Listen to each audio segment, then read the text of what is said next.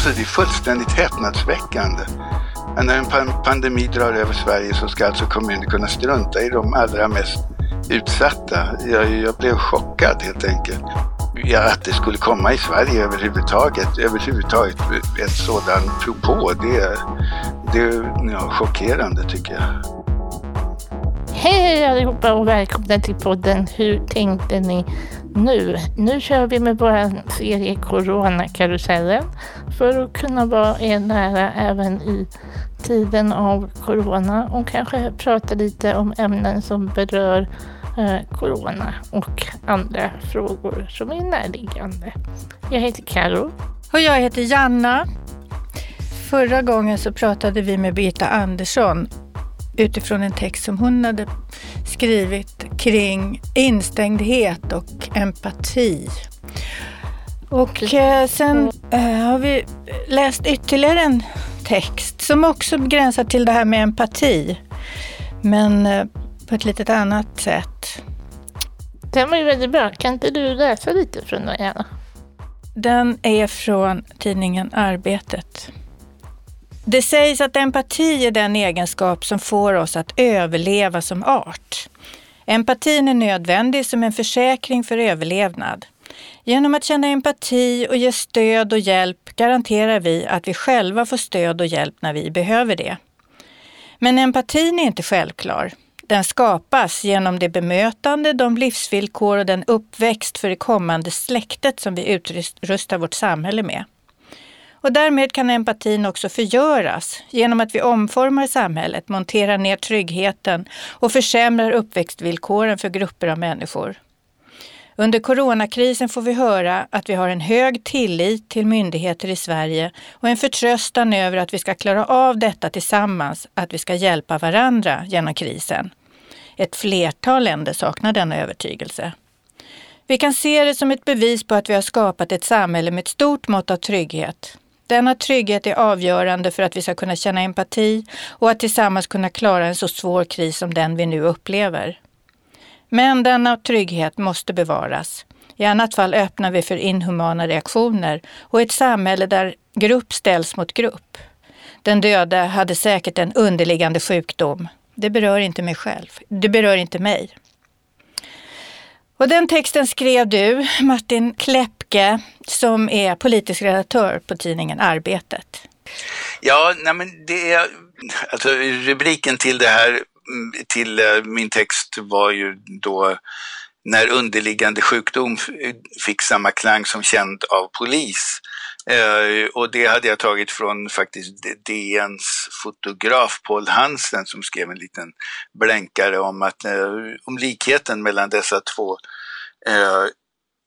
uttryck nu. För det finns ju klara likheter i hur vi ja, värjer oss för död och lidande när det gäller våldsdåd och när det gäller coronapandemin.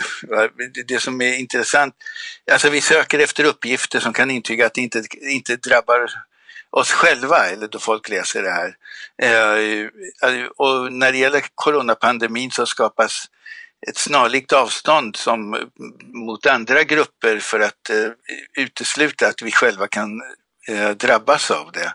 Som att eh, ja, men de har underliggande sjukdomar, de som dör och det är någon annan grupp, någon, någon liten konstig grupp utanför. Men det, och det, alltså man kan ju förklara bort det genom att säga att det handlar om folks rädsla, men jag tror faktiskt inte att det är så enkelt. Eh, alltså det beror på just, alltså, som jag skriver där, det är lite citerade, att uh, det beror på om vi lyckas forma ett samhälle som bygger just på empati och gemenskap eller om vi inte lyckas med det. Och det är avgörande för ett bra samhälle.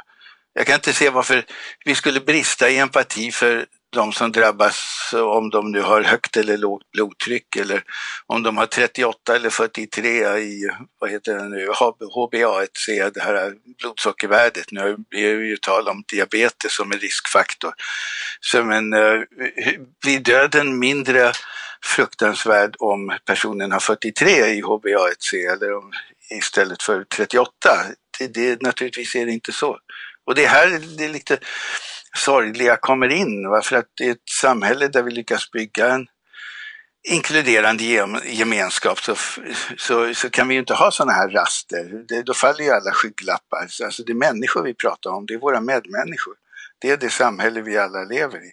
Så jag tror att det, det speglar mycket hur vi lyckas skapa, bygga in gemenskap och empati i samhället.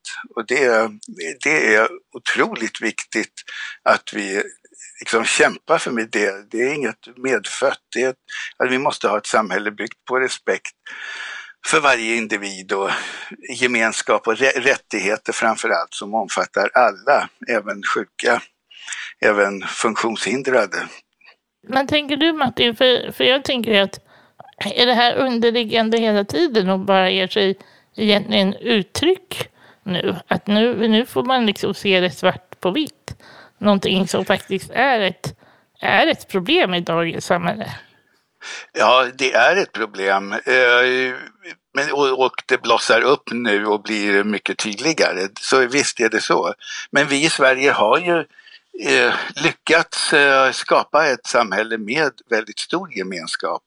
Och, och det, den, denna gemenskap och den möjlighet att känna empati även med sjuka och funktionshindrade, det, det, den kommer inte av sig själv utan den, den har vi skapat genom, eh, genom vår lagstiftning och att den hela tiden försvaras. Men det är just det att man hela tiden måste försvara den. Och det är här man ju, nu i coronapandemin har blivit lite mörkrädd, till exempel det här utspelet från eh, Sveriges kommuner och regioner, SKR, där de bad om att få strunta i LSS under coronapandemin och bara följa socialtjänstlagen. Eh, alltså det är fullständigt häpnadsväckande.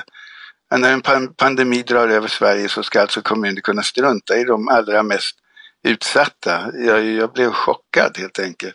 Och det är ju i ett samhälle där vi inte har byggt upp en respekt för individen, där vi inte har byggt upp gemenskap, där vi och så, eh, så går det nog mycket lättare att eh, få igenom sådana här saker som SKR försökte men nu men eh, ja, att det skulle komma i Sverige överhuvudtaget, överhuvudtaget en sådan propå, det, det är ja, chockerande tycker jag. För vi, vi lyfter ju oftast i, i den retorik vi för, framförallt nu med, med målet som Agenda 2030 har om Leave No One Behind, att ingen ska lämnas utanför och att man först och främst ska inrikta sig på de som är längst ut i marginalerna. För om man lyckas göra det, då lyckas man få hållbara system. Eh, och också att då inkluderar man ju alla i slutändan om man lyckas få med alla de som är i marginalerna. Och det, det verkar ju vi ha kommit ifrån lite när det gäller tänket nu i kristider, eller ännu mer kommit ifrån. Vi är inte i närheten av att vara där igen i vardagen. Men det känns som att den idén känns ännu mer främmande nu. Ja, precis, precis just så är det. Och eh, att, det eh, att det har kunnat komma så långt att, eh, att sånt här förslag överhuvudtaget kan läggas fram, det, det, det är sorgligt faktiskt.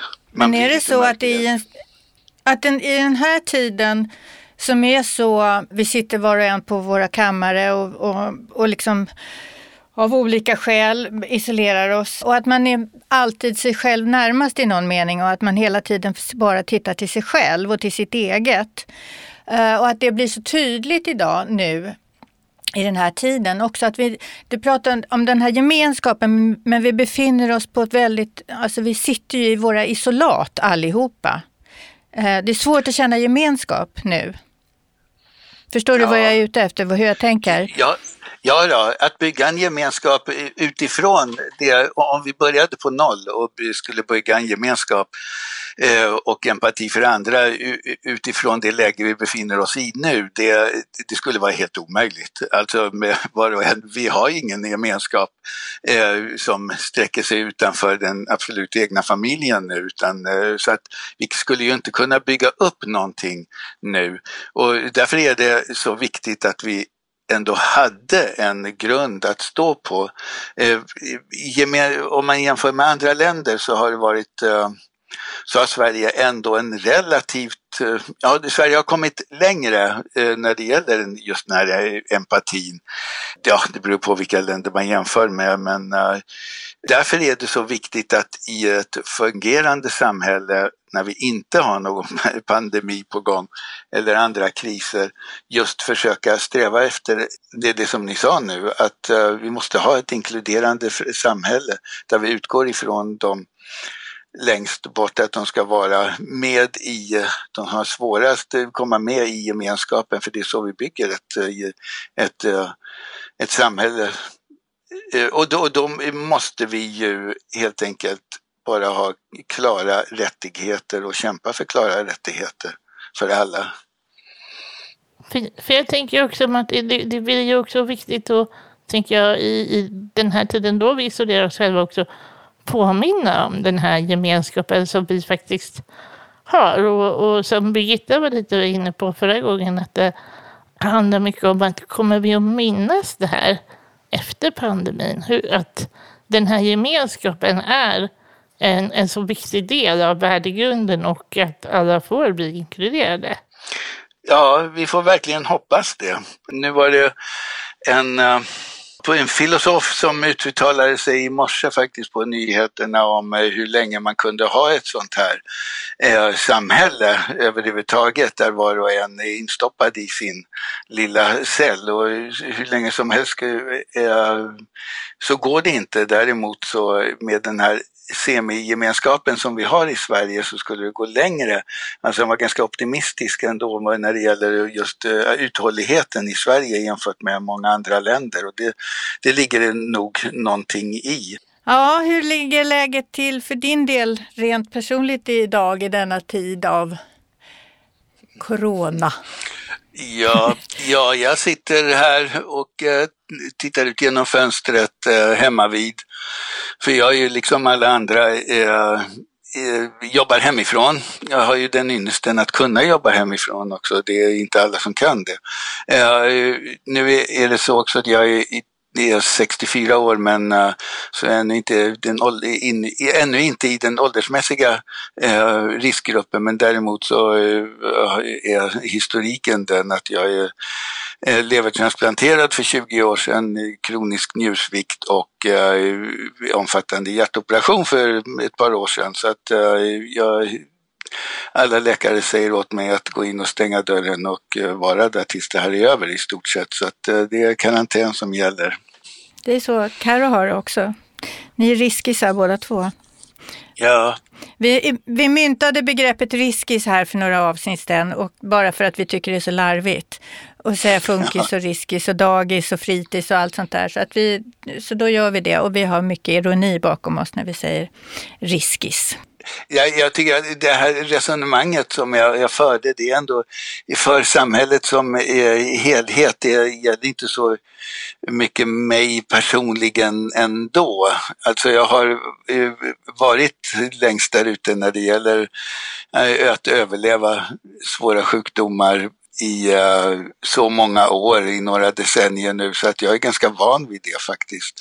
Men det ger ju ändå en, en annan blick på, på samhället och hur otroligt viktigt det är att vi just skapar ett inkluderande eh, samhälle med eh, värdighet, empati och framförallt rättigheter för alla. Och det, det, är också det som, som jag tror är viktigt att man ska försöka hjälpas åt att behålla den här erfarenheten som vi faktiskt har gemensamt av att leva instängda, isolerade och liksom att vi liksom också, för, för att det menar jag på något sätt kan också skapa en förståelse för de människor som alltid lever på det sättet. Uh, ja. Och det är en av de större frågor som man behöver eh, driva lite grann. Hur, ska, hur, behåller, vi, hur, hur, hur liksom behåller vi minnet av den tiden som vi lever i nu så att den fortsätter och, och just skapar empati för de som alltid lever på det här sättet som vi gör nu. Men där tror jag att det är just det att man ska, måste ta det som en, en självklarhet. Att det, det, är alltså ett, eh, om man säger att det, det är inget civiliserat samhälle om vi inte kan nå upp till ett samhälle som, eh, där alla har sin givna plats. Alltså då, eh, det handlar om attityder mycket och Ungefär som eh, om man säger på till barnaga så var det en självklarhet och eh, det var någon gång på först på var det inte 1970-talet som eh, det infördes en lag mot, mot barnaga i Sverige. Och det sågs som en rättighet för, för föräldrar att slå sina barn dessförinnan. Nu har, finns det ju i folks medvetande ändå att vi, vi lever i ett det, vi, är inte ett vi är inte ett civiliserat samhälle om vi tillåter barnaga. Och det är, liksom, det, det är en sån mentalitet som vi måste bygga upp och försvara. Det var ett bra slutord från din sida tycker jag. Mm. Tack Martin Klepke, politisk redaktör för tidningen Arbetet, för att vi fick prata med dig. Ja, eh, Ta hand om dig och din familj och eh, vi hörs snart igen tror jag. Ja, mm. tackar. Hej då. Tack. Hej då. Hej, hej. Ja, Janna. Det här var ju spännande. Ja, det var jag, väldigt intressant. Vet du vad jag tänker? Nej. Jag tänker lite på alltså strukturer som finns i, i samhället i övrigt. Alltså könsmaktsordning till exempel och sådana saker. Att, um, mm. Det här är ju också, det, det ligger i linje med det här att, uh, att inte ha den här empatin är ju eh, en del av en struktur tror jag som man måste eh, arbeta medvetet med som Martin var inne på. Att eh, det, det finns ju krafter som inte vill att vi ska vara gemensamma och ha empati för varandra. Att man inte ska ha samma rättigheter. Att man måste påstå det hela tiden, att det är en strukturfråga och inte en individfråga. Precis, ja. att det inte handlar om att olika individer väljer att inte vara empatiska, utan att det är på en strukturell nivå vi måste införliva att vi gemensamt tar ansvar för att vara empatiska och därmed så får vi också en samhällsstruktur som faktiskt också skapar empati och fortsätter att vara empatiskt. Ett empatiskt strukturellt samhälle, kan man uttrycka det så? Jag tror att det är så man kanske måste också börja tänka och börja angripa eh, frågorna. Om att rättigheter är en fråga om en, en större struktur. Att det är inte bara är någonting som självklart ges och fås, utan det är någonting som man behöver angripa och, och, och ha en, en stark kraft kring. Precis som, som jag gjorde kopplingen till könsmaktsordningen. Och den är ju existerande på, på eh, hela tiden. Och även om vi har gjort jättemycket med metoo och att det har öppnat upp och, och vidgat bilden av hur effektfull könsmaktsordningen faktiskt är, så är det ju också så när det gäller strukturer kring rättigheter att de verkar ju där underliggande hela, hela tiden och att det är en ganska grannlaga uppgift att att komma åt dem. Och där har ju vi otroligt mycket att göra, både som individer, att vara medvetna om det, men också att vi som organisationer också kan hitta vägar att faktiskt förhålla oss på det sättet, att det är så det är. I det sammanhanget så blir det naturligtvis, det låter ju konstigt när jag säger det, men det blir lättare att, att eh, fundera vidare på det här som vi har pratat om, det här med en, ett gemensamt erfarenhetsminne. För om vi, kan, om vi kan istället diskutera just det där med struktur och titta på det med den utgångspunkten, så kan vi återkoppla till ett minne, vi kan påminna, vi kan berätta. Vi har ju någon, en historia om som vi kan berätta Eh, för, för att liksom belysa den här strukturen. Förstår du hur jag tänker nu? Eh, Absolut, ja. och, jag, och det är det vi på ett sätt gör genom nu coronakarusellen. Ja. Det är ett, ett sätt. Det är, våran, det är vårt bidrag, det är vårt första, andra bidrag i coronakarusellen. Vi har en Facebook-sida, Hur tänkte ni nu? Vi har en mejladress, Hur tänkte ni nu? dhr.se. Eh, och så hörs vi snart igen.